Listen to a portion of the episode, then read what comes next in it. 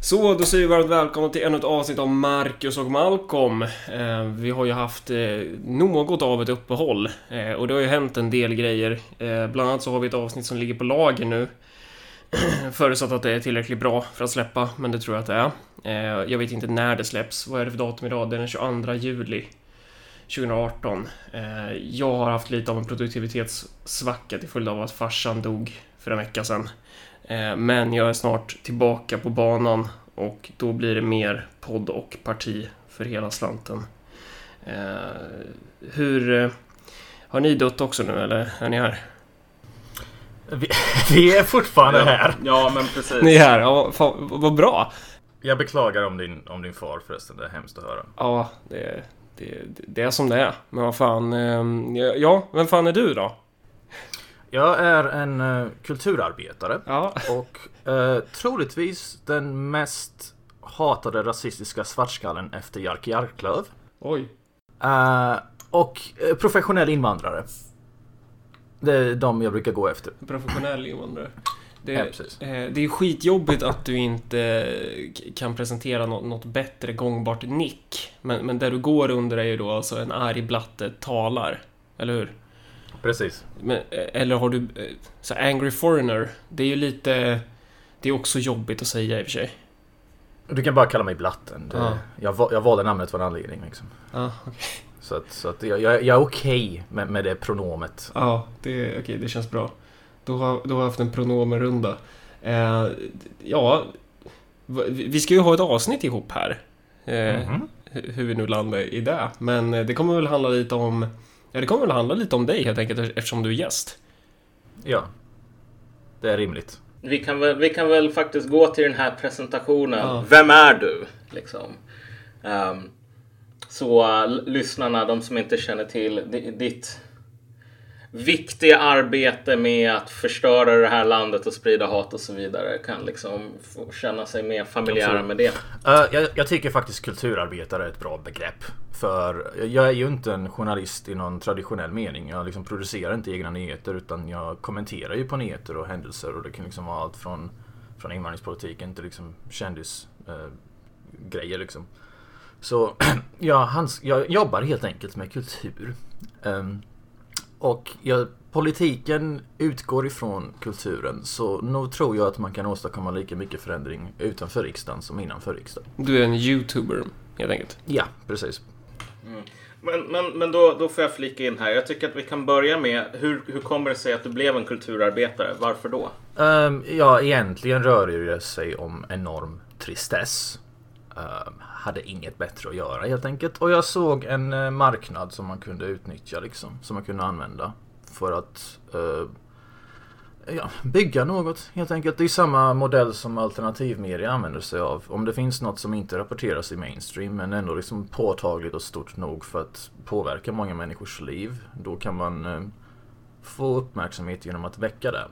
Um, så min, alltså, alltså, min existens är ju ett resultat av massmedias misslyckande. Etablissemangets misslyckande. Och um, den svenska censurkulturen. Det är ganska absurt när jag får en av de vanligaste fanmailen jag får såklart är Jag trodde jag var ensam att tänka så här tills jag hittade din kanal. Mm.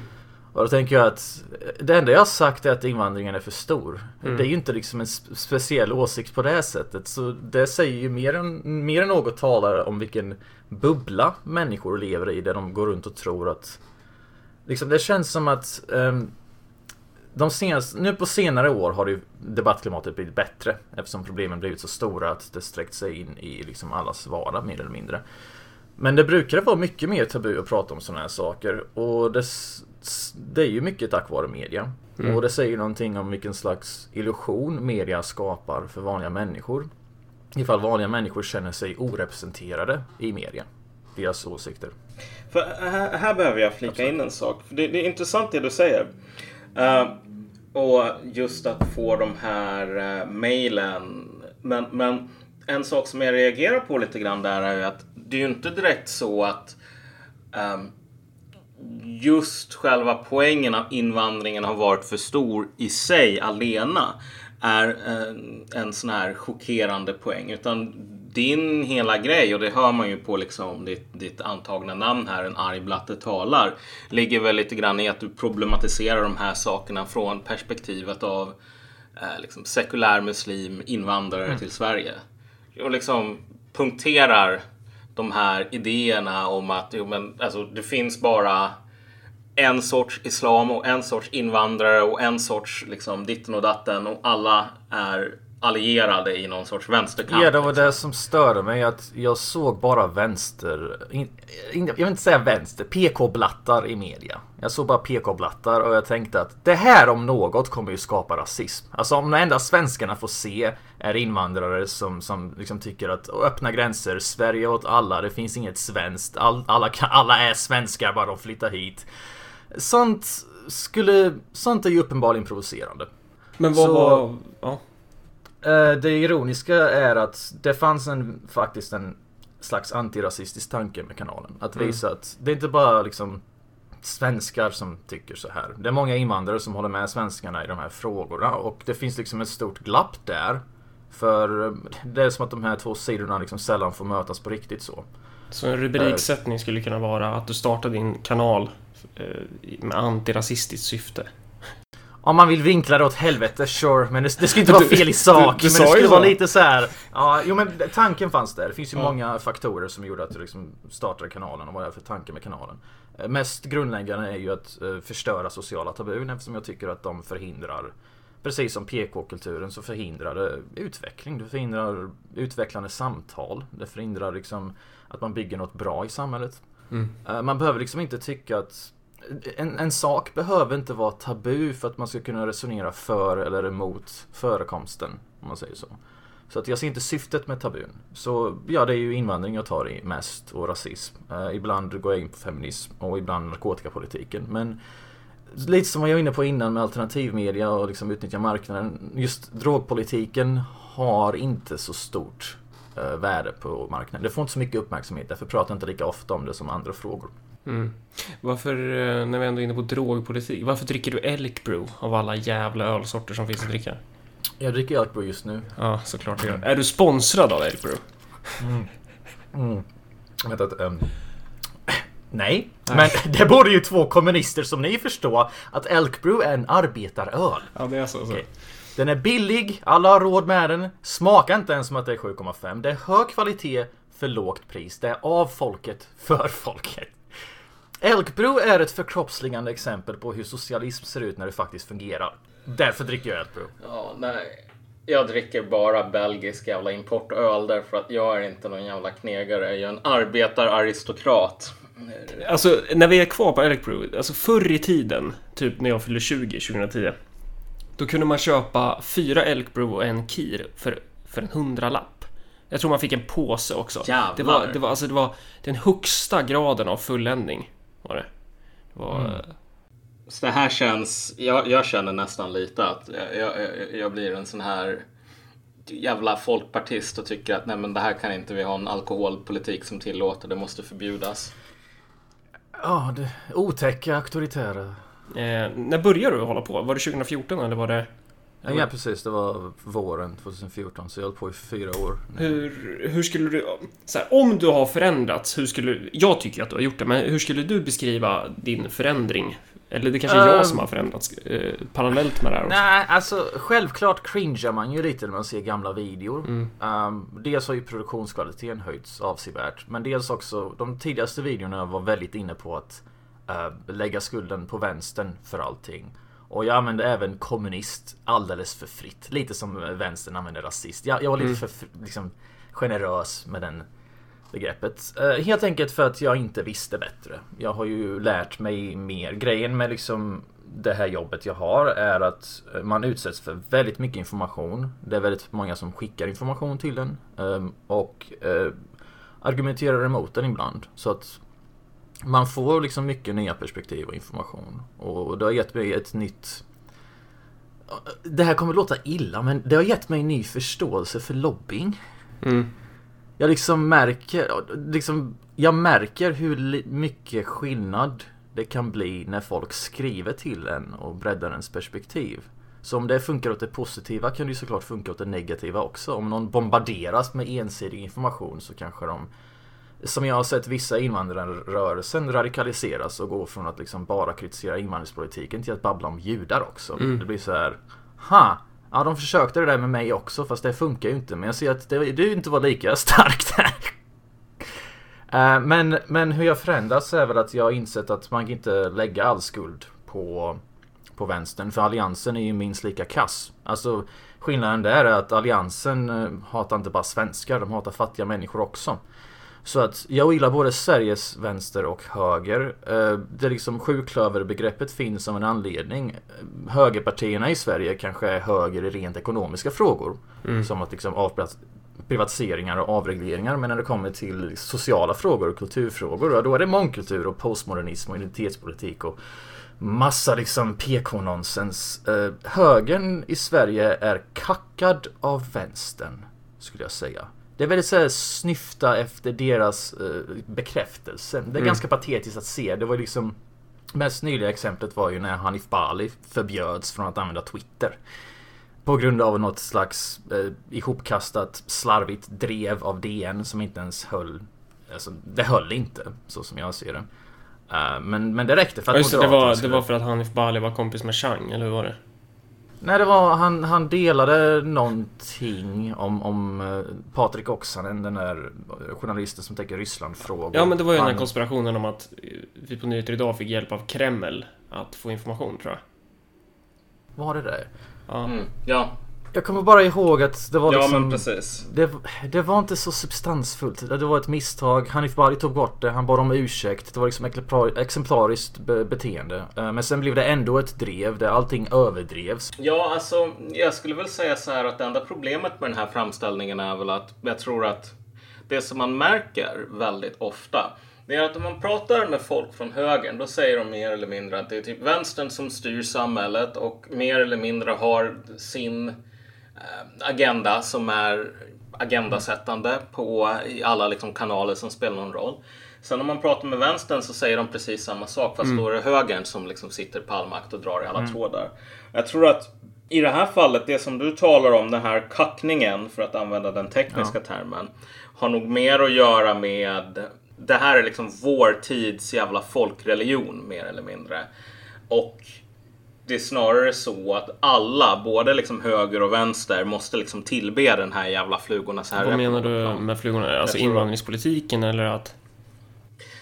Nej men alltså det som, det, det som Blatten tog upp här, det här med att mångkultur, eh, allt, mm. hela den grejen, liksom den här PK-grejen. Jag tror att det är lika mycket en grej som har infekterat vänstern som den har mm. infekterat högern. Även fast vänstern är kanske mer entusiastisk nu för tiden med att driva igenom det här.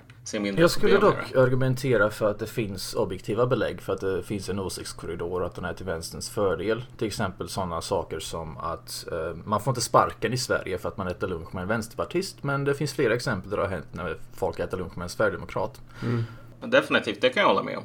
Nog för att alla känner att motståndaren har för mycket makt. Det är väl naturligt. Men jag tror att det, det går ju faktiskt också att bevisa förekomsten av en åsiktskorridor. Eh, just i... Inte minst för att journalister själva gått ut och sagt det.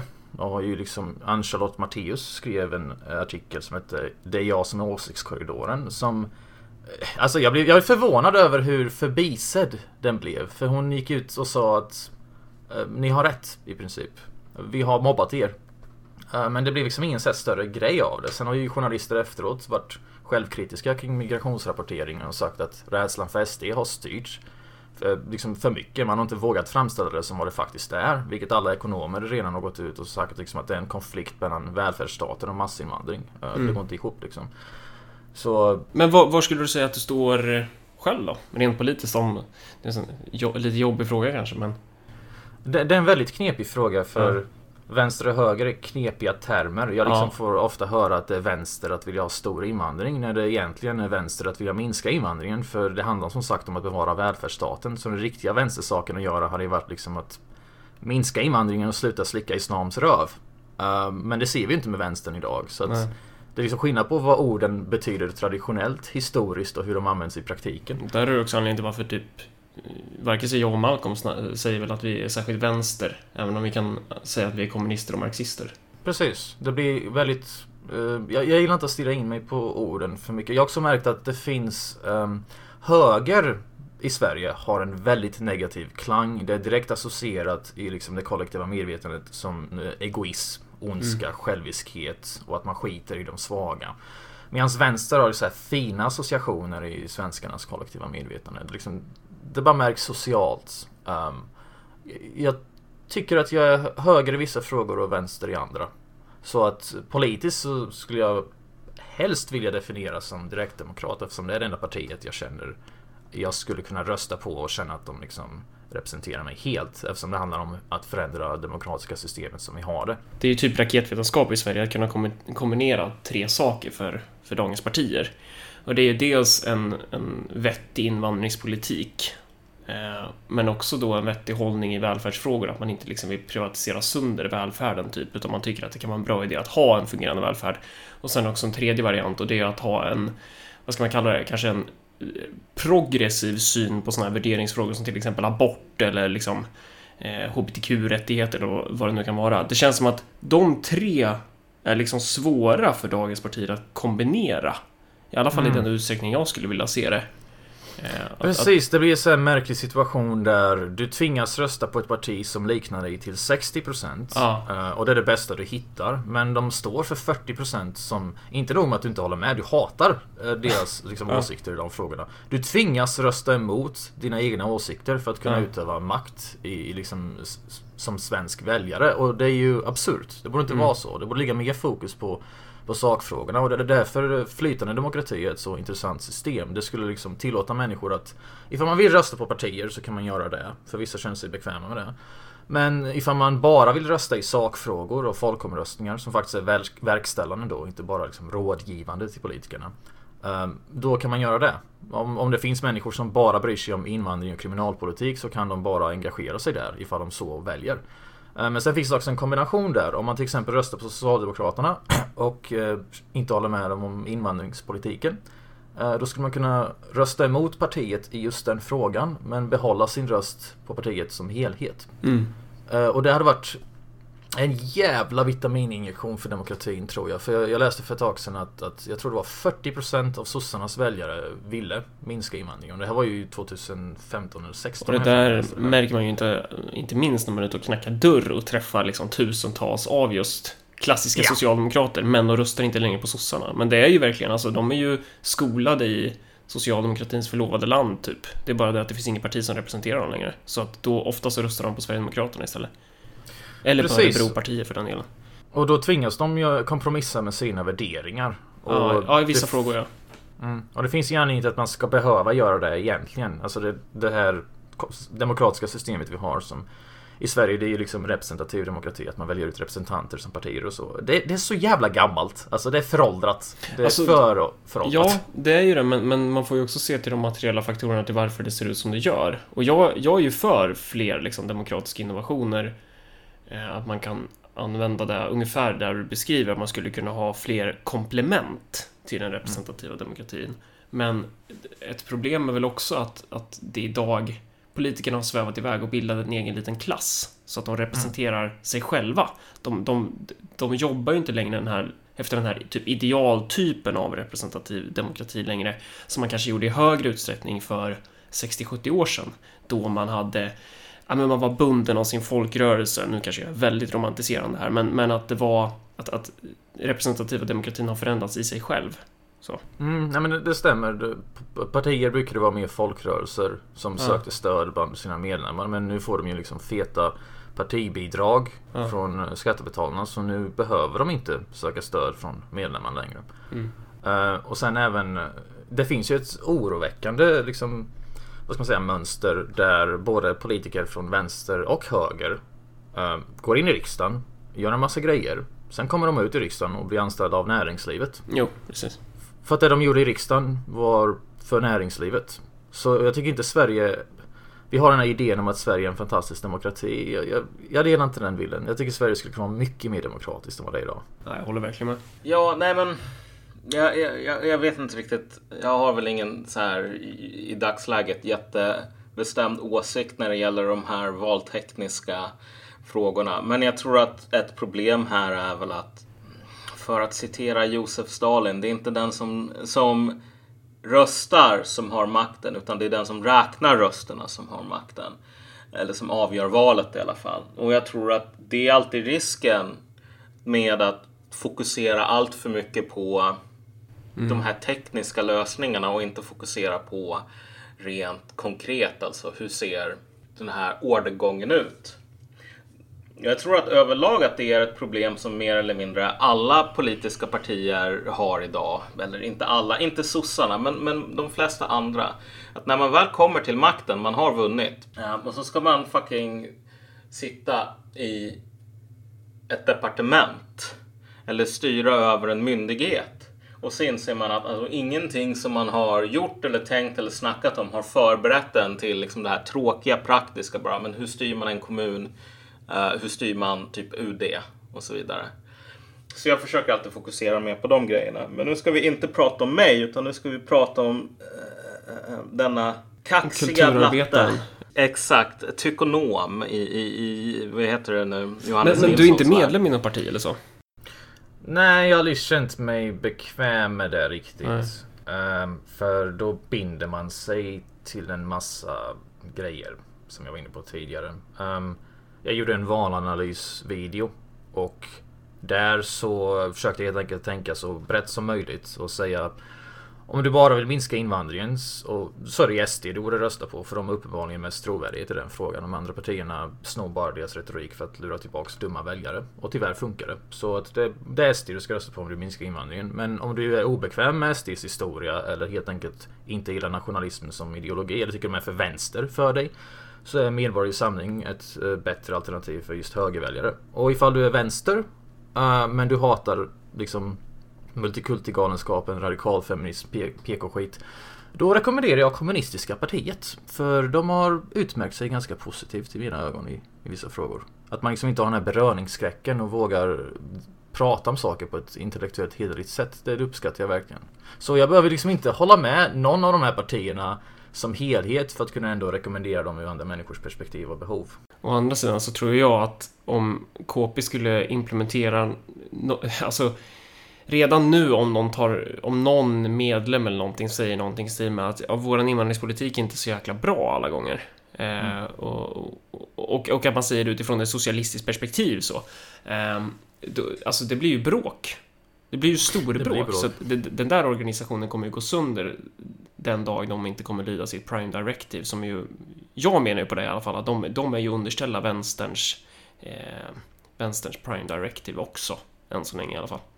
Var, varför, varför inte Örebropartiet då? Vad, vad, vad, är det här för något? Örebropartiet är väl lokaliserat till Örebro om jag har förstått det rätt. precis. Men jag gillar konceptet. Jag gillar ja. frågorna du driver med sänkta politikerlöner och liksom starkare välfärd. Mm. Eh, och just det här med att starta upp saker lokalt, att agera för förändring lokalt är en väldigt viktig, viktig sak som fler borde ägna sig åt. Här ser vi hur Örebropartiet förenar hemska populister från, från såväl kommunistiskt håll som från, från den arga blattens håll. Det, det, men eh, tycker att det finns något existerande parti som står dig närmast? Eller liksom svårt att svara på? Eftersom du, du sa det här med att man kan, man kan hålla med om ett parti till 40% och sen till 60% kanske man inte alls håller med om, eller hur det var? Jag skulle väl säga att Direktdemokraterna är väl partiet som står mig närmast. Som jag känner mig mest trygg med att rösta på. Men det är för att de representerar snarare ett styrelseskick. De driver inga egna sakfrågor förutom just att införa flytande demokrati, vilket då skulle liksom låta en rösta på ett... Liksom, på, man skulle kunna rösta på, på ett annorlunda sätt. Uh, det är en idé jag helt ställer mig bakom. Eh, men det är ju för att partiet inte är ett traditionellt parti den De har ingen valprogram typ, utan det är mer ett koncept som... Nej, det är ju deras väljare som får göra ja. omröstningar inom partiet och driva frågor så som jag förstått det som. Men deras eh, huvudfunktion är ju att komma in i riksdagen och uh, argumentera för mer folkinflytande. Ja. Uh, och jag tror det skulle vara väldigt mäktigt om de skulle kunna stå i en TV-debatt med andra partiledare och peka ut hur jävla värdelösa alla är och hur, liksom, hur, hur korrupt själva systemet är. Att man inte liksom lyssnar på folket. Uh, mm. Det behövs ett sånt varför går du inte med i Direktdemokraterna då? Eller känner du att du... Vad, vad jag känner som... att jag gör gör tillräckligt mycket reklam för dem då och då så jag känner inte att... Jag, vet inte, jag, jag har nog inte sett poängen med att engagera mig just så som medlem. Chang Frick brukar ju säga det att partierna spelar ut sin roll. Han hävdar ju att, han hävdar ju att man bara ska bedriva me- metapolitik. Eller vad, vad nu... Att man ska bedriva opinionsbildning, typ. Okej. Håller du med honom? Om- Absolut inte, det är ju larvigt. Eh, alltså det hänger ju ihop. Um, det, det är sant att kulturen och folkopinionen formar politiken. Man Ja. kan ju inte genomföra politiska beslut ifall det inte finns något, något slags brett stöd. Annars blir det massprotester och politikerna blir rädda och, och så vidare. Eh, men eh, det är liksom Det hänger ju ihop för att det är ändå i riksdagen det tråkiga tekniska sker. Eh, man kan påverka utanför också, visst. Men båda behövs ju. Och sen ser vi också hur organisering som koncept är väldigt effektivt. Till exempel eh, hur Piratpartiet stoppade ACTA. Eh, den här EU-grejen som skulle förstöra internet. Och nu nyligen artikel 13 som också skulle förstöra internet. EU försöker hela tiden förstöra internet. Det blev ju också liksom fördröjt av att folk helt enkelt skrev och sa att det här är ingen bra idé. Vi tänker inte rösta på er om ni gör det här. Och det skrämmer ju skiten ur politikerna för det folk inte fattar är att det är ju människor som har makten. Det är inte liksom eliten som har makten egentligen. För de lever ju på våra röster. Har de inte våra röster har de inte en lön och då har de inte ett jobb. Så att när man, ringer, när man skriver till dem och förklarar att man är väldigt missnöjd med vad de har gjort och man kommer se till så att de förlorar sitt jobb. Ja, då blir de jävligt rädda. Eh, de har den här auran av makt och självkänsla men vi har makten att rösta ut dem och göra dem till liksom, sossfall. Så jag, jag ser, fler borde inse det och fler borde liksom uttrycka sig och kontakta politiker och resonera med dem. Inte skicka kukbilder och inte skicka goatsy och inte hota utan liksom resonera på ett artigt och konstruktivt sätt. Vad För är politiker och goatsy? människor också. Vad är Vet du goatsy? inte vad goats Jag är väldigt glad att du ställde den frågan, det glädjer mig. Ehm, alla som lyssnar på det här borde gå in på, på liksom Google och skriva Goatsy. eh, och sen välja Encyclopedia Dramatica-länken. Så får de en äkta så här, uppfattning av vad det är. För om, man, om, om man bara jag går vill till bara bilder. tillägga, gör inte det om du sitter på jobbet kan jag ju säga. Gör det om du sitter på jobbet specifikt. Okej, ja. Vad För är det kommer Goatsy? liksom bl- blow people's minds. Det kommer liksom väcka dem ur the matrix. Vad är Goatsy? Ehm, Ja, du, det... Ja. It has to be seen to be believed. Det här är ju klassisk internetkultur. Okej. Precis. Är faktiskt Och någon som också är förvånad klassisk över att- internetkultur, det är ungefär som i World of Warcraft. Man frågar bara Vad är det här? Och så kan ingen, ingen kan liksom svara på frågan. Så man ska, man ska alltid så här gå runt den och bara Google it. Det är inte det att jag inte kan svara, det är att jag inte vill. Jag vill att du ska se det själv. Okej, ja, ja. Ja. Du får lita på mig. Jag får, ja, jag får göra det då. Högerpopulist, är det, är det ett begrepp du känner att du eh, identifierar dig med? Jag, jag tycker ju inte att det är ett begrepp som fångar var du står rent politiskt i alla fall. Nej, alltså. Det är ett skällsord jag glatt accepterar ihop med bögjävel och husnigger. Sure. Jag accepterar det, men eh, ska jag liksom själv definiera mig idealiskt så är det väl inte det. Men sure, jag- tillhör väl någon slags um, sfär där på nätet där man är kritisk mot mångkultur och massinvandring och ja, den så kallade Sverigevänliga rörelsen. Men, men det är ju också så jävla luddigt för att jag menar Ja, det- Kritisk mot mångkultur kan man ju vara utifrån en rad olika perspektiv. Alltså du, kan ju, du kan ju vara kritisk mot mångkultur i egenskap av nazist eller kommunist. Du kan ju vara kritisk mot mångkultur ja, i egenskap av liberal också. Alltså det, det går väl... Mm. Eh, men... Mm. Nej men det, det stämmer, det stämmer. Men eh, det, är, det är ju ganska sällsynt att se det dock. Det finns ju en jättebra bok som heter um, vad var det? Mångkultur, en kritik från vänstern eller vad den heter. Just det, vad han den där, vad är sociolog? So, so, Ja, det var en sociolog. Den, den var jätteintressant och jag köper Ja. allt som står i den. Liksom. Skitbra bok. Um, och det visar liksom att så, men, men det perspektivet är väldigt sällsynt. Det reflekteras inte i den allmänna debatten eller medierapporteringen. Så därför man, tyvärr så får man nöja sig lite med stereotyper och förenklade beskrivningar och bara liksom köra på det breda, yeah sure, whatever. Liksom. Varför tror du så kallade högerpopulister vinner så mycket mark på internet då? Medan eh, den här PK, t- vänstern eller vad man ska kalla dem, tappar mark. Jag tror att anledningen till att jag blev populär är eh, något slags resultat av samhällets pissdåliga polariserade debattklimat och åsiktscensur. Um, för jag säger bara självklarheter. Varför blir man så stor av att säga självklarheter? Det är skitkonstigt, eller hur? Och det är för att folk inte kan säga självklarheter längre. För att då blir de kallade rasister. Jag tror också att jag, hela min grej var liksom att jag är en invandrare och jag är kritisk till, inte invandring som koncept uppenbarligen, men sätt, just det specifika sättet Sverige har gjort det på. Mm. är jag kritisk till. Och jag ser inte någon invandrare prata om det här.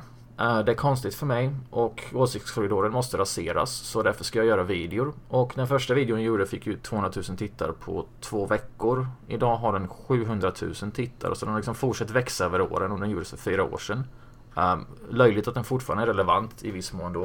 Uh, den blev ju ganska stor direkt och det var, jag tror det var för att många går runt och känner att de har De känner en oro. En oro som överklassen inte riktigt kan relatera till. De, de liksom De lever faktiskt i mångkulturen till skillnad från politikerna som lever vitt och pratar om mångkulturen. Eh, och då ser de liksom hur, hur, hur konflikterna tar form i praktiken och att, att kunna, om man säger så här, att kunna att kunna länka sina polare en video eh, där en invandrare pratar om de här sakerna istället gör att man lättare kan undvika rasiststämpeln. Jag tror att det var många som kände ett behov av det. Ett behov av att jag kan inte prata om det här för jag är ju svensk. Men den här killen är en invandrare så han kanske kan han kanske har mer trovärdighet liksom. Folk kanske lyssnar på honom mer istället för att liksom... För en sak jag märkt med Sverige är att eh, det, det finns en slags kulturell autism i Sverige. Liksom en, en, en slags... Eh, och det, det är det politisk korrekthet gör med människor. Man fokuserar på orden istället för sammanhanget. Så någon skulle kunna säga jag älskar negrer. Och de skulle bli uthängda som rasist. Jag kan, inte... jag, jag kan ta min pappa som ett exempel. Eh, vi gick igenom alla hans grejer. Eh, som han, har, han föddes ju 45, så han var ju rätt gammal. Men eh, det var något klipp från typ 60-talet när han gick på Karolinska läroverket i Örebro. Eh, och så var det någon fascisttidning som hade spritts. Eh, och då så var pappa jätteupprörd och så drog, drog han ett antirasistiskt citat för sin tid. Och han skrev så här. Jag förstår inte varför man kallar negrer för halvvildar. Mhm. Att han liksom, och då menar ju han att... Eh, jag Jag, förstår att, inte varför man kallar svarta människor för halvvildar. Ja. Ja, men, precis. men, att, men, men liksom då... Alltså, och jag tycker det är så... Alltså... Det, det blir intressant. För att se på hans då... Vad, vad, vad menar han och vad säger han? Nej men precis, det är det, det, är det jag menar med kulturell Ja. autism. Att man kan inte se skogen för alla träd. Liksom. Man stirrar Nej. sig blind på detaljer så att man inte kan se helheten. Självaste budskapet och vad man försöker få fram är ju liksom inte rasistiskt alls. Men just för att man använder ordval som kanske är känsliga för vissa fjollor så blir man uthängd som rasist. Och min första video är ett perfekt exempel på det. Jag liksom sa antirasistiska saker men jag sa dem på vulgära färgstarka eh, sätt. Så att det uppfattades som rasistiskt av många men de flesta fattar ju grejen. Jag tror det var därför de gillade videon och, till slut mig liksom för att de fattat att det här är liksom en kommentar på hur omöjligt det är att uttrycka sig i Sverige. Man blir liksom missförstådd på helt absurda grunder. Ja, nej men det är väldigt mycket så att det är så här, symboliken och, och, och formen och skalet i sig är det relevanta typ. Inte vad... Inte innebörden typ. Ja, jag menar ta hela den här jävla idiotiska debatten som har varit i tre år om typ no-go-zoner. Ja, just det. Så här, finns det no-go-zoner och så säger någon bara nej det finns det inte på grund av att det är en högerextrem lögn och så säger man jo men det finns de här zonerna där um, rädd, alltså, ambulansen inte åker in utan poliseskott. Vilket betyder att om du ligger och blöder på gatan och typ det inte finns några bilar, sorry bor du i ett sånt här område då får du fan förblöda. Och då säger ju folk bara ja men vet du vad det är inte en no-go zon och eftersom det inte är en no-go zon så existerar det inte. Nej. Och det, det är också en, ett exempel på kulturell autism när man säger att det inte är no-go-zoner för att polisen kör in ändå. Visst, de får stenar kastade på sig men de kör ju in ändå så att man liksom leker dum för att kunna eh, motverka rasism som man tror. Fast det, det gör man ju inte. Man befäster snarare rasism med den sortens töntighet liksom. Så istället för att diskutera sakfrågan hakar man upp sig på orden. Eh, Och jag tror att det symboliserar den så kallade godhetsvänstern idag. Och jag tror det är därför jag har blivit populär medan vänstern tappar. För att vänstern har blivit en folkföraktsrörelse. Um, det är liksom bara att kolla på hur, hur man liksom Till exempel när man liksom går ut och gör narr av Sverigedemokraternas väljare för att de är lågutbildade bönder. Mm. Um, vad är det för fel med att vara lågutbildad eller bonde? Det är liksom arbetare. Eh, när, när fan började vänstern representera överklassakademiker helt plötsligt? Det är helt absurt. Men- Ja, det har de gjort de senaste 50 åren typ. Att de Tydligen. är, de är en politisk rörelse av och för de högre skikten i samhället. Mm. Men också liksom den här, den här hysterin kring ehm, svart humor. Vilket det i Mm. princip är. Min kanal har ju, är ju full av liksom så kallad mörk humor. Och det brukar ofta uppfattas som rasism. Ehm, och det är också en form av folkförakt. När man har så låg syn på människor att man tror att de inte kan hantera ett skämt. Eller inte kan skilja på skämt och verklighet. Och göra egna moraliska avvägningar. Implicit menar man då att vanliga människor, det vill säga arbetare, är så kliniskt efterblivna att man inte ens får låta dem tänka själva. För då blir de nazister. Ja, vi fick ju massa skit på Örebropartiet när vi la upp en bild på att Rakhmat Akilov fick eh, avgiftsfri tandvård och sen så var det en bild på en pensionär att och, hon får inte fri tandvård. Och då, alltså, då blev det ju ramaskri bland de här människorna. De tyckte ju att ja, men nu, nu sprider man en rasistisk nidbild. Det här kommer bidra till att spä på rasismen i samhället. För att då tänker de här vänstermänniskorna att folk är liksom inte kapabla att se att det, det finns en orättvisa i den specifika sakfrågan, att det, att det är skevt. Utan folk tänker då att ja, men nu, nu ska jag hata alla invandrare. Ja, och nidbilden hade ju inte ens existerat ifall det inte fanns en politisk verklighet som skapar nidbilden. Eh, Att man behandlar liksom svenska medborgare som andra medborgare i sitt eget land är ju ett faktum. Jag som laglig invandrare måste betala mer när jag går till tandläkaren än illegala invandrare. Det är för fan sjukt.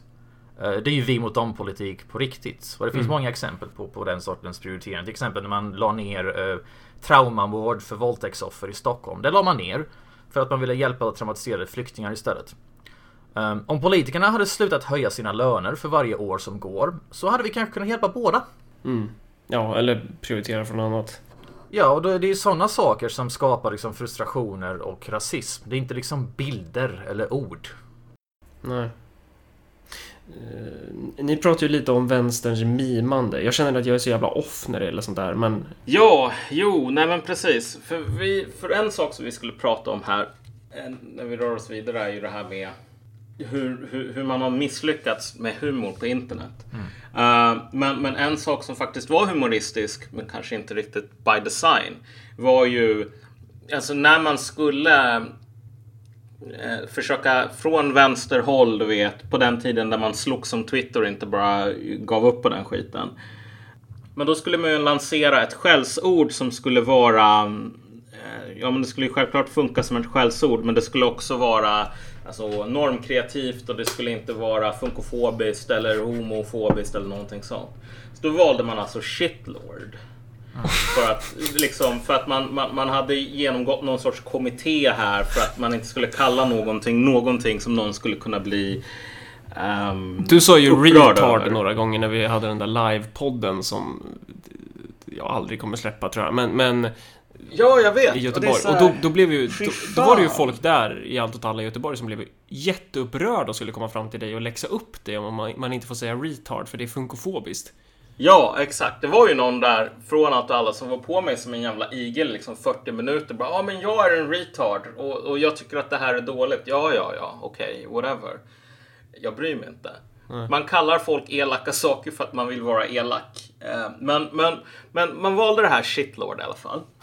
Och det slutar alltså i att det enda som händer är att de här människorna typ på althögern och liknande börjar kalla sig själva shitlords.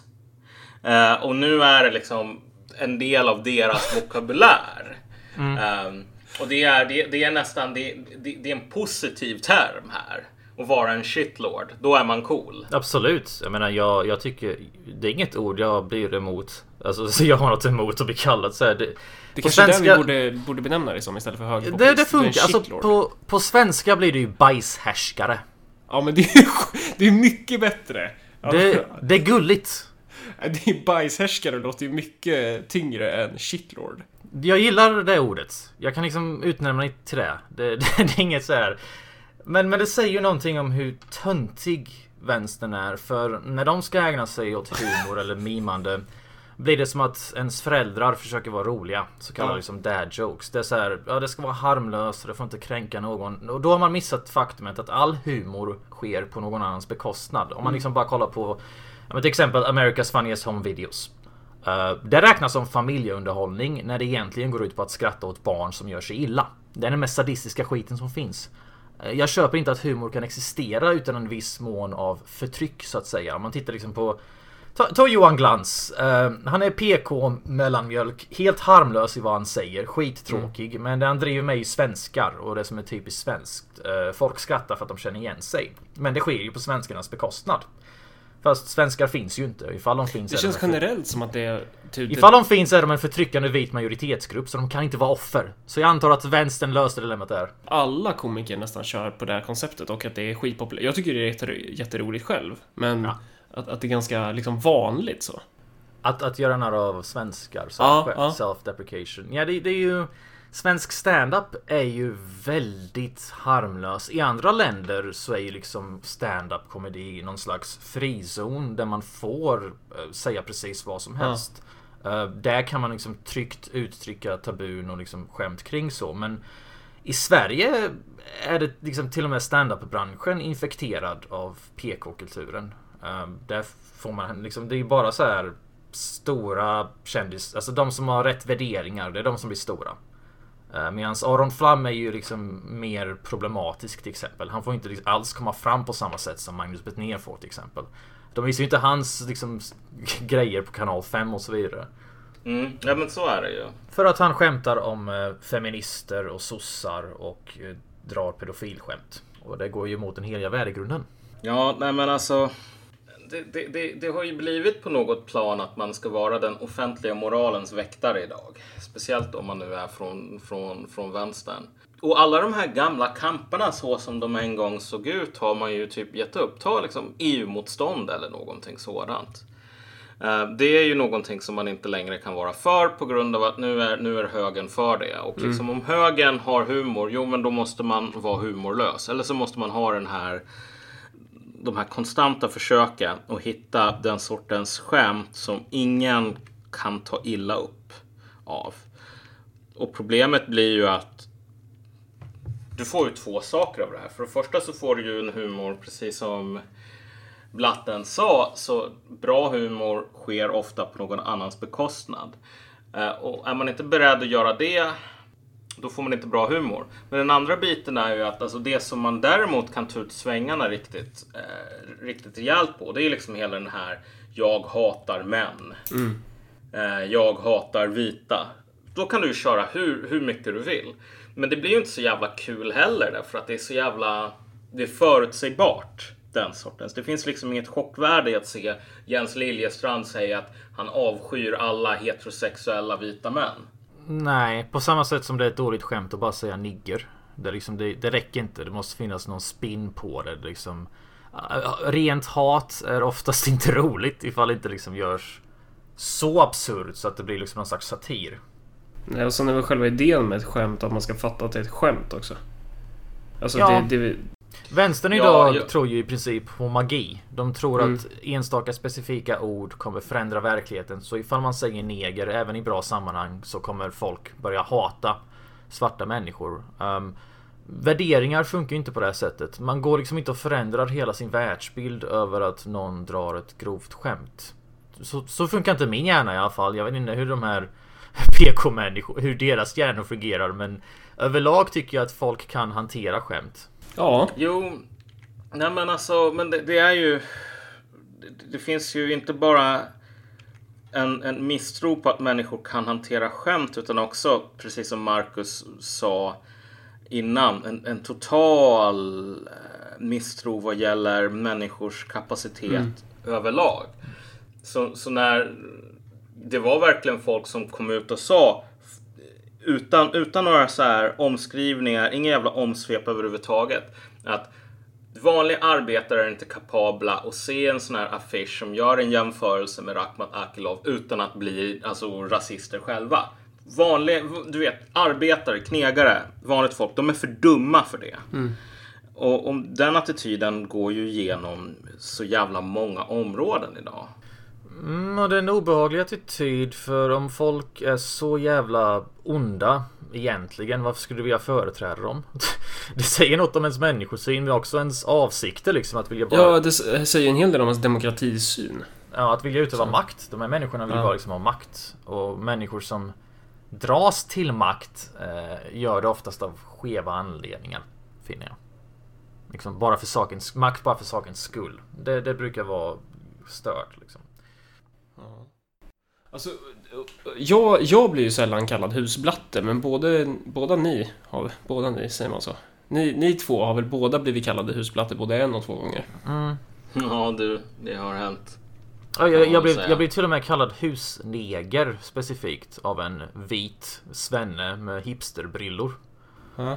Och det är, ju, det är ju märkligt. Alltså, han behövde inte säga neger. det räckte med blatte liksom. Uh, neger blir lite väl specifikt. Jag tror inte jag har kriterierna för det riktigt. Uh, men jag vet inte. Jag kan också, det finns transidentiteter idag är ju väldigt så här. Ja men du kanske identifierar dig som? Jag som kanske neger. identifierar mig som neger. Ja. Eller rent av nigger med tanke på hur många år jag gick på SOS. Uh, jag kanske kan identifiera mig som det om jag vill. Ehm, det, det kommer liksom bli den nästa frontären av identitetskampen. För det här med husplatte är väl bara ännu ett exempel på hur identitetspolitik slutar med rasbiologi. Alltså implicit menar man att man är en ras... Alltså husplatte är bara ett ord för rasförrädare. Det liksom bygger på en världsbild där um, vänstern och invandrarna hör ihop. Och mm. ifall du går över till den så kallade andra sidan så har du svikit alla på hela planeten som delar din bakgrund och, och din liksom så. Uh, man menar liksom att värderingar hänger ihop med etnicitet mer eller mindre. Har, har nassarna något liknande uttryck för vita människor som eh, som går emot deras idéer så att säga? Ja, det är väl kack liksom. Kacks. Ja, det är kack bara. Ja. Jag har blivit kack. Rasförrädare brukar... De brukar ju... Nassar brukar åtminstone vara ärliga nog och bara säga rasförrädare rätt ut. Ja. Det är lite det jag gillar med nazister. De, eh, de är ärliga. Uh, med att de ogillar mig och de vill sparka ut mig. Uh, jag uppskattar det. För vänstern känner på samma sätt som nazisterna. De vill inte ha mig här. Jag har sett miljöpartister säga att de vill utvisa mig bara för att jag har åsikter. Um, de vill inte ha mig här men de låtsas vara min vän. Liksom. De låtsas uh. stå för mig och såna som mig. Så att säga. Uh, så nazisterna är ju åtminstone ärligare. Så det blir så sjukt att man måste liksom respektera nazister. Och det, jag, vill inte, jag vill inte behöva respektera nazister. Jag tycker vänstern kan höja sin nivå istället. Ja, du, om du väntar på den grejen så kommer du få vänta ganska länge kan jag väl säga. Men man ska inte ge upp hoppet. Man ska inte det. Nej men alltså, men, men det är intressant det här, för, för du sa det här med rasbiologi och visst, det finns ju en sån grej i det. Men min erfarenhet, och som jag, ju mer jag talar med folk, speciellt människor som håller på att jobba med hederskultur. Mm. Mm. Uh, någon som Sara Mohammed eller Sohela Fors kan alltså köra eh, liksom ha en jävla workshop om hederskultur eller hålla på och föreläsa om liksom hur det här funkar och så vidare. Och så händer det att det kommer fram folk, så här batikhäxor mer eller mindre, vita kvinnor och bara säger att liksom vad fan håller du på med? Du borde hålla käften. Mm. Och bara varför då? Jo men för att du håller på och sår split och du skapar en bild av invandrare som är liksom problematisk. Men, men, men det som är så tydligt att det här handlar ju om deras behov. De har ett behov av att invandrare ska vara fina och snälla och harmoniska och liksom allt det som svenskar inte är. Så fort man inte liksom uppfyller den här rollen som man har givits av eh, Ja, men, men liksom av vänstern eller av Miljöpartiet eller vad det nu är. Då blir folk ganska våldsamma i sina reaktioner för att alltså, du, du, du förstör. Du förstör den här idyllen som vi har byggt upp i Sverige.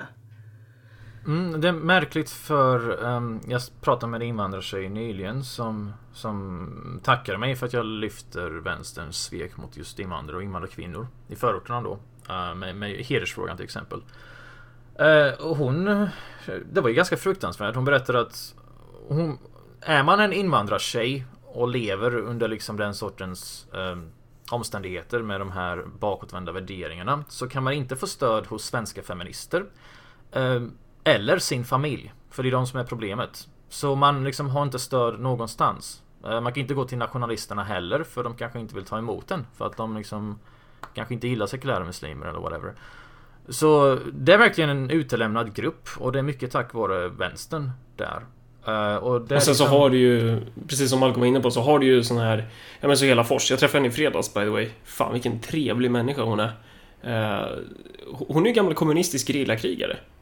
Mm. Alltså, alltså, alltså den typen av, alltså, alltså riktiga feminister, bra feminister. Som är så här... Uh, de som man borde lyssna på och ta till sig liksom vad, vad de, alltså deras kunskaper på området så. Men, men de, de, de står ju ute i kylan på något sätt. Ja, och det är liksom, det visar på någon slags eh, bortskämd så här en form av rasism blandat med dubbla förväntningar. Jag tycker man, ja. man skulle liksom aldrig acceptera att svenskar har den sortens värderingar. Man skulle aldrig acceptera att en svensk dyker upp på ett jobb och vägrar skaka hand med kvinnor med referens till sin tro. Uh, kristendomen då. Det skulle man aldrig acceptera, men när en muslim gör det så måste vi respektera deras kultur. Trots att det inte är en jävla kultur att vägra skaka hand med kvinnor, det är bara religiös fundamentalism. Så specifikt muslimer har man svikit. Jag har liksom många gånger sett hur svensk mainstream media lyfter fram islamister som företrädare för alla muslimer. Människor som Omar Mustafa och liksom den där Rashid Musa liksom. Eh, det var många som varnade för att det här är liksom Sveriges unga muslimer är en skum organisation. Och det tog år, mm. sen förlorade de sitt bidrag liksom. Men i åratal så använde SVT Musa som företrädare istället. Ja men och det är ju Muslimska brödraskapet som man låter representera alla muslimer i Sverige. Det är vad SVT och Public Service och alla de här godhjärtade idioterna håller på med. De, de ger ju de här salafisterna och de här jävla islamisterna en massa makt. Ja, yeah, det var som i, i Karlstad när den där salafistmoskén fick byggas där så skröt en socialdemokrat om hur bra det känns. Um, och det bara visar, jag har ju en muslimsk bakgrund, jag har träffat många muslimer, liksom, jag har erfarenhet med muslimer och det bara visar hur jävla rasistiska de här vita vänstersvennarna är. Som har så lite kunskap om muslimer och invandrare. De har inga jävla erfarenheter. Och då bara för att verka trendiga så tar de den första liksom gapigaste blatten. Eh, som då oftast är en islamist. Eh, och låter honom få tala bara för att man inte ska... Bara för att man vill undvika liksom islamofobstämpeln. Det är ungefär som att typ låta Nordiska motståndsrörelsen representera all invandringskritik. Eller alla svenskar. Ja, ja. Det, den delen. det är bokstavligt talat samma sak. Uh, ja. Islamister är liksom bruna nazister. De har samma skitvärderingar. Uh, och det är, liksom, det är det som är ironin med allt högen. Uh, att man, man liksom är emot de här The Invaders, så att säga. Fast man har samma syn när det kommer till kvinnor, judar och demokrati. Så det är liksom, det är inga, bruna islamister, vita islamister, jag ser ingen skillnad där. Uh, men uh, svenska vänstern gör en väldigt stor skillnad där. Mm.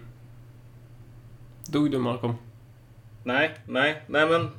Jo men självklart är det så, men som sagt. Um, vad heter han? Rektor Hamid. Hamid Safari heter han väl Just det. Ja. Uh, han skrev ju den här, en artikel nyligen som egentligen, det var ju inte en ny poäng så, men det är ju, den är ju det är en bra poäng och poängterad om och om igen. Vilket är att om du går till de områdena med minst invandrare så kommer du hitta mest um, mest stöd för invandring. Mm. Och mest människor som är beredda att typ säga vi måste utvisa en arg blatte talare för han säger att liksom, det finns skillnader inom islam och alla inte är islamister. Mm. Och, och, för att det här är ju, jag har ju tagit det här exemplet förut. Jag menar vad man, vad man har förälskat sig i från dessa liksom svennar är ju ungefär som den här 14-åriga tjejen som är liksom kär i Justin Bieber. Och varför är hon kär i Justin Bieber? Jo, för att hon har kollat på alla hans jävla filmer. Hon har alla hans jävla CD-skivor och alla affischer hemma. Problemet är ju bara att alltså, den där sortens kärlek behöver inte alls överleva en träff med Justin Bieber IRL om man sitter och håller på och röker massor med ganja till exempel. Eller är full eller något sånt. Därför att det är ju, det är ju, det är ju en, en fantasibild. Mm.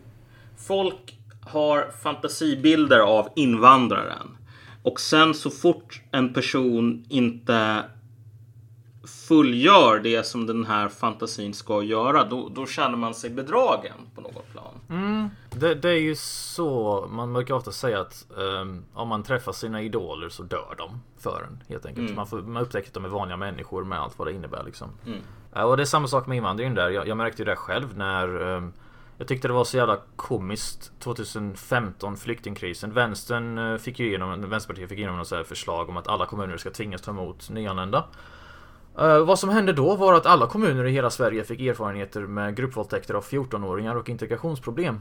Uh, och då helt plötsligt så blir alla Sverigedemokrater. Jag ser för fan artiklar med liksom folk som säger jag tror det var Göteborgs-Posten till och med. Jag tror det var en kommun i Göteborg där de hade fått in många klagomål och då var det en kvinna som sa att hon alltid har argumenterat emot rasistiska uttryck på nätet. Men nu när ett flyktingboende ska flytta in bredvid hennes eh, lilla dotters dagis så vågar hon inte låta sina barn gå där längre. Och då tänker jag, är, är det det enda som krävs för att du ska sluta vara antirasist? Att du träffar en jävla invandrare? Det är för fan ofattbart! Det är liksom som den där, det var en studie som gjordes av någon sociolog där man intervjuade småbarnsmammor som de flesta sa att de älskar mångkultur och etnisk mångfald och bla bla bla. Sen när det kom till kritan lät de sina egna barn gå i helt vita skolor. Um, mm. Mm. Det som jag har ju träffat en socialdemokratisk politiker. Jag behöver inte säga vad han heter men eh, han sa ju rakt ut att nej men jag, jag kommer göra avkall på min solidaritet när det gäller mina egna barn. Jag kommer absolut inte placera dem i Örebro kommuns skolor. De kommer gå på friskolor. Och det, mm. och det är ju och, och det, alltså, det är ju inte så konstigt idag. Men, men att det blir så intressant när man då ska hålla... Då borde man ju vara ärlig med det. Rakt ut. Det blir så vidrigt när man hycklar på det sättet. Ja. Um, faktum är att alla är lite rasistiska. Uh, och det är okej okay så länge det inte övergår till Nordiska motståndsrörelsens um, rasism så att säga. Det är okej okay liksom att föredra att vara bland sin egen majoritet.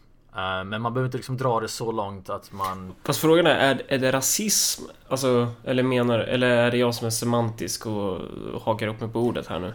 Ja, alltså, jag... Det är ju inte rasism egentligen, men med tanke på hur långt rasismhysterin har gått i samhället så är det liksom ett uppdrag att normalisera begreppet rasism eftersom okay. rasism nu för tiden betyder sunt förnuft. Så jag tänker, det är som, det är som en gång att prata med en, en kommunistfeminist som sa att jag är rasist för att jag vill minska invandringen. Um, och när man liksom nekar människor medborgarskap med hänvisning till deras etniska bakgrund så behandlar man folk illa baserat på vart de kommer ifrån. Och det är definitionen av rasism. Att behandla folk illa beroende på vart de kommer ifrån. Och då tänkte jag bara att okej, okay, då är jag en stolt rasist. Uh, om det där är din definition av rasism så är rasism något positivt som kommer rädda välfärden och leda till mer social trygghet. Uh, du har ingen makt över mig med dina jävla fula stämplar. Så jag tar hellre stämpeln och gör om den i så fall. Mm. Men nej, jag skulle inte säga att det är rasism. Det är liksom... Det är ju norm i vilket land som helst. Speciellt i... Jag tror inte afrikanska länder eller länder i Mellanöstern hade varit så jätteglada om, om liksom när jag var i Somaliland så sa typ alla jag träffade som hade någon insyn i Sverige, de tyckte att vår invandringspolitik var jättekonstig. De förstod inte alls. Det var jättemånga somaliländare som bara, ja men om det kommer hit etiopier och kaosar, då skickar vi ut dem eller slår vi ihjäl dem. Uh, det, det, det, är liksom, Sverige är eh, extremt. Det är inte mm. lagom, det är ett extremt land med internationella mått. Och det är liksom en självklarhet i vilket land som helst att um, Alltså den egna etniciteten ska vara i majoritet.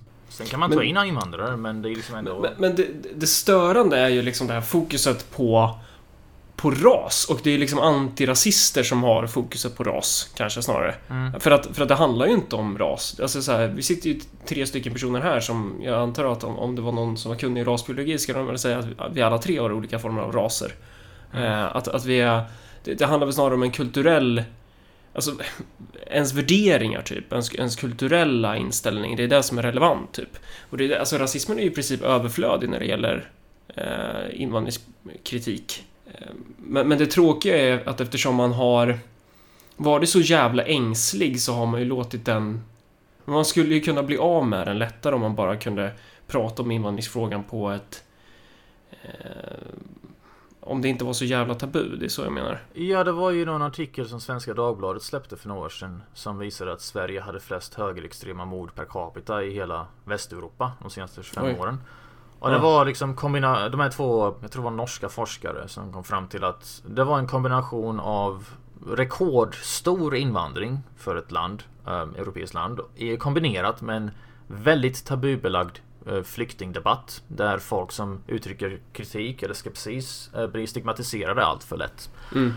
Och det är klart att det radikaliserar folk. Jag menar om, det, om, om de enda som vågar prata om de här problemen är eh, mer extrema personer så är det det enda sällskapet du kommer hitta. Ja, och, och, och kolla på typ, alltså man skulle kunna ta liknelsen med muslimer och islamister. Ja. De, en, en rasist skulle ju säga att det är ingen skillnad mellan en muslim och en eh, islamist typ. Mm. Att det är liksom Eh, jaha, ja, men du är moderat muslim, ja, men det skiter jag i. Du är precis som Usama bin Laden eller eh, de här i Muslimska brödraskapet. Det är samma skit, typ. Mm, mm. Eh, och, och effekten blir ju då kanske inte att den där muslimen känner sig mer inkluderad i majoritetssamhället eller liksom det, då kanske man snarare knuffar ut fler och fler människor in i klorna på de här islamisterna som för övrigt också vill spinna den narrativet och säga att nej men vi är de sanna muslimerna, det är det här som är den äkta islam liksom, att vi ska ha ihjäl de otrogna och bam bam bam.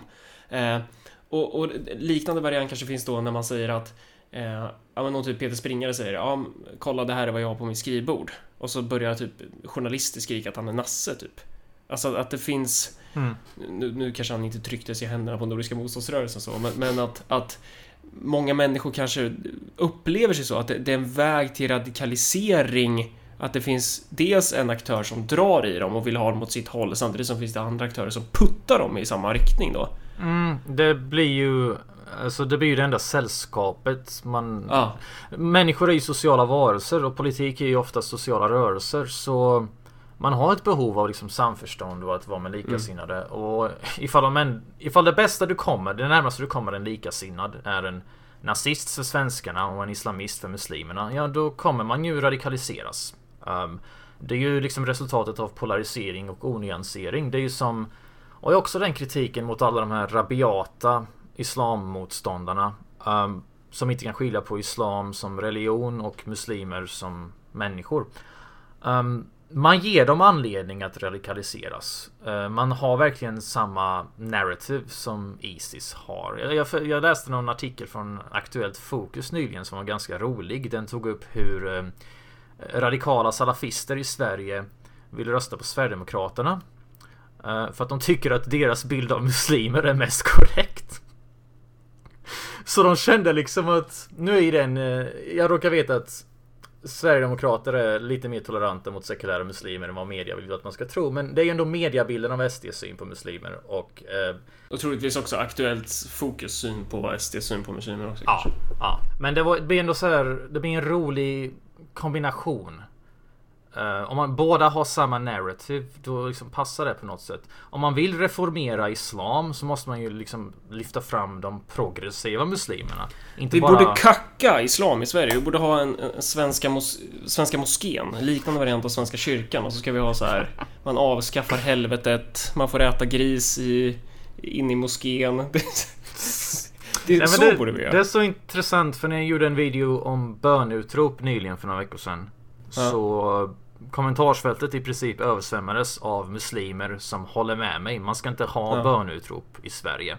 Ehm, knappt så att man borde ha moskéer liksom. Men man, man ska inte ha bönutrop. Muslimer själva höll med mig om det här och, och liksom Det säger ju någonting här.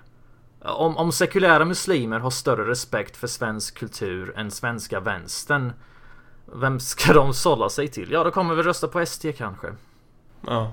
Men Men det, är oftast den, det är oftast den frågan när man pratar med invandrarväljare att det är ju invandringen som är det är nästan då man alltid vet så här att ja, men, de håller med en i de här, de här frågorna.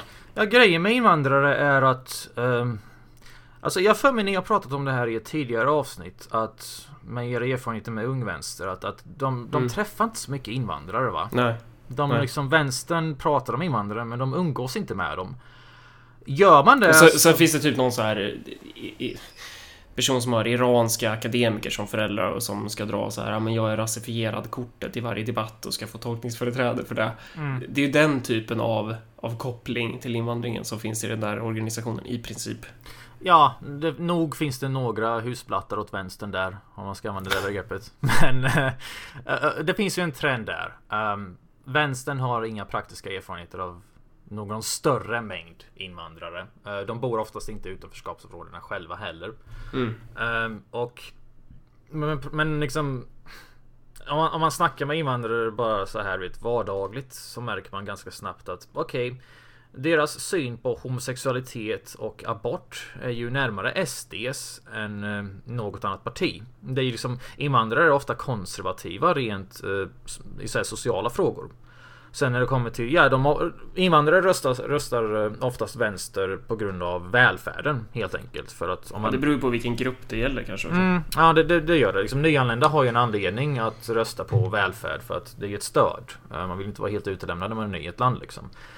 Men, men allt fler invandrare vänder sig till SD för att jag tror de noterar att um, det speglar deras egen syn bättre. Man vill ha fler mm. poliser i förorten. Man vill ha mer ordning och reda. Man vill inte ha den jävla du vet, flummiga bjuda stenkastare på fika politiken. Uh, och man, man är inte så... Man är glad i kärnfamiljen och man är glad i lite mer traditionella könsroller. Uh, genus, skit och feminism är inte liksom någonting som de flesta om jag får lov att generalisera så tror jag inte de flesta invandrare är jättesålda på det. Inte för att de är sexister heller, det tror jag inte, men man föredrar det traditionella. Så invandrare är egentligen mer konservativa. Jag tror de röstar på vänstern för att marknadsföring helt enkelt. Jag tror vänstern har lyckats profilera sig bättre, men jag tror också att det kommer krackelera ju längre tid det går. Nej, men det här med att invandrare är mer konservativa rent eh, överlag till sina värderingar, det är ju vetenskapligt liksom väldigt vedertaget vid det här laget. Sen finns det ju stora skillnader mellan olika demografier och så vidare och så vidare. Mm. Men sett till den demografin som är mest vi får in mest invandrare ifrån, typ Somalia, eh, Mellanöstern. Där är ju verkligen ingen snack om den saken. Mm. Och visst, jag tror så här. Um, det är ju inte så att man röstar så jävla mycket på vänstern. Här måste man nog vara lite mer eh, noggrann. Man röstar på sossarna. Men man röstar ganska sällan. Alltså valdeltagandet bland utlandsfödda är ju väldigt lågt. Och då när man röstar på sossarna så gör man det främst eh, som ett utfall av sån här maskinpolitik mer eller mindre. För det är ju någonting som sossarna håller på med. Klientelism, uh, att man köper röster. Ja, ja, exakt. Sossarna köper röster och sen de som de köper röster av röstar på sossarna. Uh, det, Vänsterpartiet har inte någon jättebra... Alltså det är ju mycket Jo, men det är ju typ PKK och sådana där som, eh, grupperingar ja. som de kan göra sådana deals med. Men... Ja, men annars så överlag så är det liksom fler människor som röstar på SD än bland utlandsfödda ja. kvinnor än V. Um, och nej, jag tror att det här du har nog rätt i att den här tiden där man verkligen har kunnat räkna med liksom invandrarröster som eh, någon sån här, som någonting som tillhör en. Den tiden går mot sitt slut nu. Den är snart över. Om den inte redan är det. Mm, jag läste en artikel nyligen om en, det var en butiksägare, entreprenör i förorten som eh, blev utsatt för något hemskt. Jag tror det var någon, någon mordförsök med kniv. Ehm, ja, just det. Det var mm. han som Nyheter Idag skriver en del om. Mm, precis. Och mm. han vill ju se Jimmy Åkessons uh, kriminalpolitik. Alltså han vill ju ja, att den här jävla uh, kriminalblatten skulle bli utsparkad. Istället fick han två och ett halvt år eller någonting. Och då hade han trakasserat ja. hans butik ganska länge. Och det är liksom skötsamma invandrare vill att man ska kasta ut dåliga invandrare för det kommer Det kommer bli ganska jävla svårt att vara rasist i Sverige om det inte finns några dåliga exempel att peka på. Så invandrare mm. överlag brukar vara väldigt hårda rent kriminalpolitik, äh, rättspolitiskt liksom. Var ja, hård och sen om du, om du har en jävla butik, varför vill du ha en jävla parasit? Varför vill du ha en parasit i ditt område som håller på och parasiterar på ditt jävla arbete? Alltså, det är så här, folk tycker inte om parasiter och det finns givet att typ invandrare inte är en homogen kategori. Um, så kan man väldigt sällan anta att det ska finnas någon sån här eh, spirituell etnisk koppling här. För att det kan mycket väl vara så att det är en afghan som rånar en kurd eller en kurd som rånar en somalier eller vad det nu kan vara. Uh, Och det är så sjukt att det fortfarande är så jävla kontroversiellt att bara påpeka att ja, är, du vet som Mark sa, egenintresset ljuger inte. Mm. Har du en jävla butik, ja men alltså du vill inte att den här butiken rånas. Det är ditt jävla intresse. Det, det, är lite det jag vill återkoppla till med husplattet. Det är ett väldigt kolonialt perspektiv på invandrare. Man har liksom den här idén om att invandrarna tillhör oss, de ska rösta på oss. Uh, ifall, de, ifall de springer bort från plantaget så ska vi piska tillbaka dem med mobbning. Vi ska mobba dem att rösta rätt och det är att rösta vänster. Uh, när vänstern kallar mig för husplatte så klagar de bara på att jag inte är deras husplatte. Uh, att jag inte liksom blint säljer mig till deras värderingar och att jag föredrar att tänka själv istället. Så att det är en väldigt substanslös förolämpning. Det funkar inte på någon som inte är dum socialist. Liksom. Uh, och sen det här med jag menar, det här med att man skulle vara en nyttig idiot åt rasistiska krafter. Det är ju ganska uppenbart att um, Sverigedemokraternas invandringspolitik hade skapat mindre motsättningar de senaste åren än... Men fan om man kollar på vad som har hänt de senaste 20 åren. Uh, I början av 90-talet hade vi tre getton i hela Sverige. Tre! Uh, idag är det nästan 200. Och sharia-poliser har liksom blivit en grej. Så religiös radikalisering har blivit allt värre med åren. Hederskulturen har blivit värre. Liksom. Ja, och när du är inne på det här begreppet kolonisering så är det ett begrepp som har kapats av islamister i Sverige. Och som, alltså de har ju tagit identitetsvänsterns retorik eh, Eh, och håller ju på att använda den. Och du kan ju hitta välinformerade ungdomar som på flytande svenska förklarar att de absolut inte vill vara en del av majoritetssamhället och att muslimer måste segregera sig och bygga enklaver. Alltså vi har ju kommit till en punkt då eh, då det har gått jävligt långt. Ja, de känner så för att eh, vita män är förtryckare och det ligger i deras arv på något sätt. Så det är ju den här vänster retoriken då i praktik. Det leder bara till motsättningar och det, det finns ju en anledning till att eh, Magnus Söderman som är liksom ganska känd nazist i Sverige eh, är glad i den här sortens grejer. När SSU hade ett så kallat separatistiskt möte, vilket egentligen bara är rassegregerat möte. Så blev, han, blev de hyllade av nazister. Som känner att ja, men ni, det här är bra. Ni, liksom, ni gör att folk tänker mer på ras. Och det gör att de kommer börja tänka på sin egen ras. Och det gör att de kommer segregera sig. Och vi etnonationalister kommer då att få starkare fäste bland folket. Liksom. Mm. Det är det man gör. För att man är inte chill. Och man, man förespråkar inte att vara chill. Man förespråkar sån enorm skitnödighet att hela jävla tarmen i samhället kommer ramla ut. Det kommer bli en prolapse. Uh, identitetspolitik leder till prolapse. Mm. Ja, det var ju en otroligt bra liknelse där. Um, kolla Goatsy som sagt. Ja, Goatsy sammanfattar hela den här podden. Känner du, känner du att det är någonting mer man skulle vilja tumma ur sig i just nu? Kring det här? Vi har content i alla fall. Ja, det tror jag. Det tror jag. Nej, men jag, jag tror att det här funkar. Mm. Mm. Men, men, ja, men då så ska vi ha en avslutande ord. Men jag trycker på stopp nu. Ja, men ska vi inte säga något hejdå eller någonting sånt kanske innan du försvinner bort bara så här? Um, eh. Vi sa, ja, Goatsy sammanfattade det här. Det var det sista vi sa. Okej, okay, uh, känner, ni att, känner ni att det är bra? Jag känner att det är en jävligt bra slutkläm. Så du kan väl bara köra något avslutande liksom så här. Ah, det, det sammanfattar väl allt. Tack så mycket för att du var med, bla bla bla.